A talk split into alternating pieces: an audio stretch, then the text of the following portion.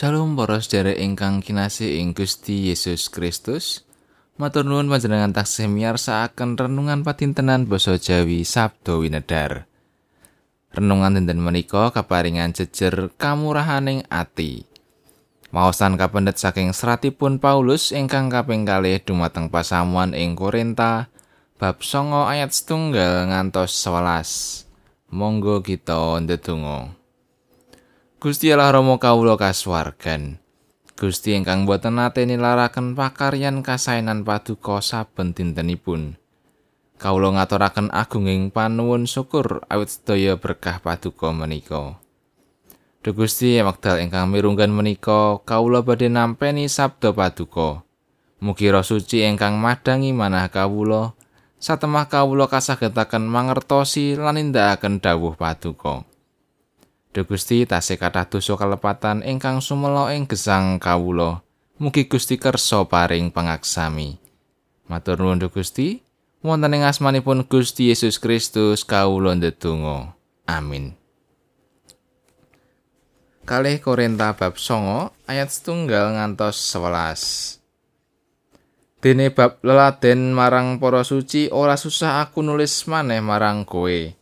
Sebab aku wis sumurup mungguh legawaning atimu.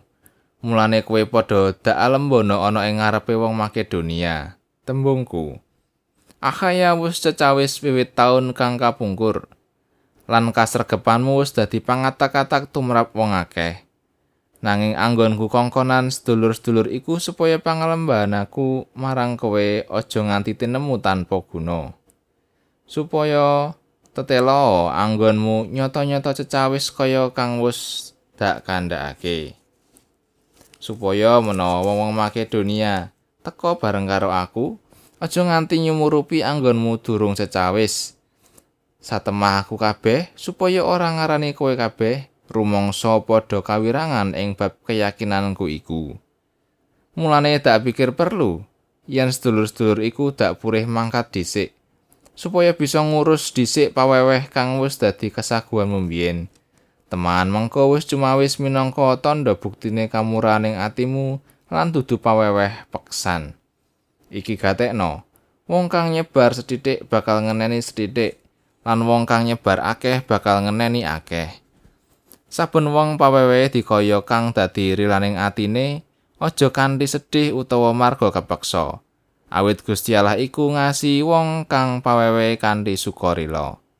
Lan Gusti Allah kuwaos ngluberake sawernaning sih rahmat marang kowe kabeh supaya kowe padha tansah kacukupan ing samubarang lan padha linuwi anggonmu nglakoni sarupaning panggawe becik.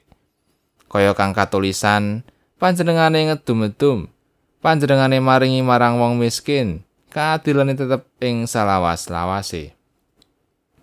Panjenengane kang nyawisake winih kanggo wong nyebar lan roti kanggo pangan iku uga bakal nyawisi winih marang kowe lan ditikelake sarta nuwuhake pametuning kabeneranmu. Kowe bakal disugihake ing sarupaning kamuraning ati kang nuwuhake pangucap syukur kunjuk marang Gusti Allah marga saka aku. Makatan pangandinganipun Gusti lumantar Rasul Paulus ayat saking ayat 11.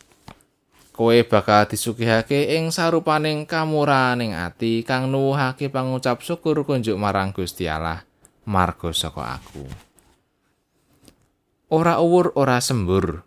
Nggambaraken tiang ingkang boten kersa cawe-cawe ing bab bondo menapa dene ego partikel sikap kados mekaten gampil ngwaosi tiang sak menika inggih tiang ingkang namung migatosaken dhateng diri pribadi Gesang ing setengah masyarakat ingkang nggadahi sikap mentingaken diri pribadi temtu gampil dipun singkiri dening sakiwa tengenipun. Kamangka gesang kita mboten saged piyambakan. Kala-kala kita ugi mbetahaken pitulungan saking kiwa tengen kita. Rasul Paulus mbangun pasamuan ing Korinta supados kagungan sikap lomo. Gesang ing Sang Kristus bakal kanugrahan sikap kamuraning ati. Paulus nyuwun dhateng pasamuanipun anggen paring pitulungan boten kanthi kepeksa ananging kanthi bingah. Katresnan boten namung winates ing pocapan nanging kedah binabar ing tumindak. Sikap lomo temtu mboten winates namung awujud arta utawi materi, ananging saged awujud mbagi wekdal, ego partikel, mbagi pangertosan lan kawigatosan. Maringaken pangalembono, paring pangapunten, ngaturaken pamatur nuwun ugi wujuding sikap loman. Lomo menika setunggaling sikap nanggepi dhateng sih rahmat peparingipun Gusti. Nggadahi sifat lomo boten badhe mendel kemawon nalika sakiwa tengenipun betahaken pitulungan. Ananging badhe mitulungi lan ngrencangi. Kaloman menika setunggaling sikap manah ingkang sehat ingkang tumuju dhateng kabingahaning gesang. Kathah tiyang ingkang eneripun dhateng diri pribadi sedaya wonten etang-etanganipun. Ananging kita sami kaengetaken supados tansah nggadahi sifat lomo. Monggo kita pitados nalika gesang kita nggadahi sifat lomo menika badhe ndeder raos pangucap syukur wonten ing ngarsanipun Gusti. Amin.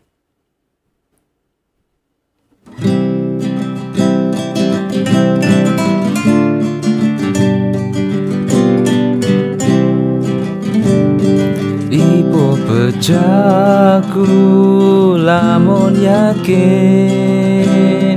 Yesus tuweku ing salamanyo Aku tebusan kagungane Anyaru rebu krono Aku memuji pelayan renung Gunggung asmane salamanyo. Aku memuji pelayan renung Gunggung asmane salamanyo.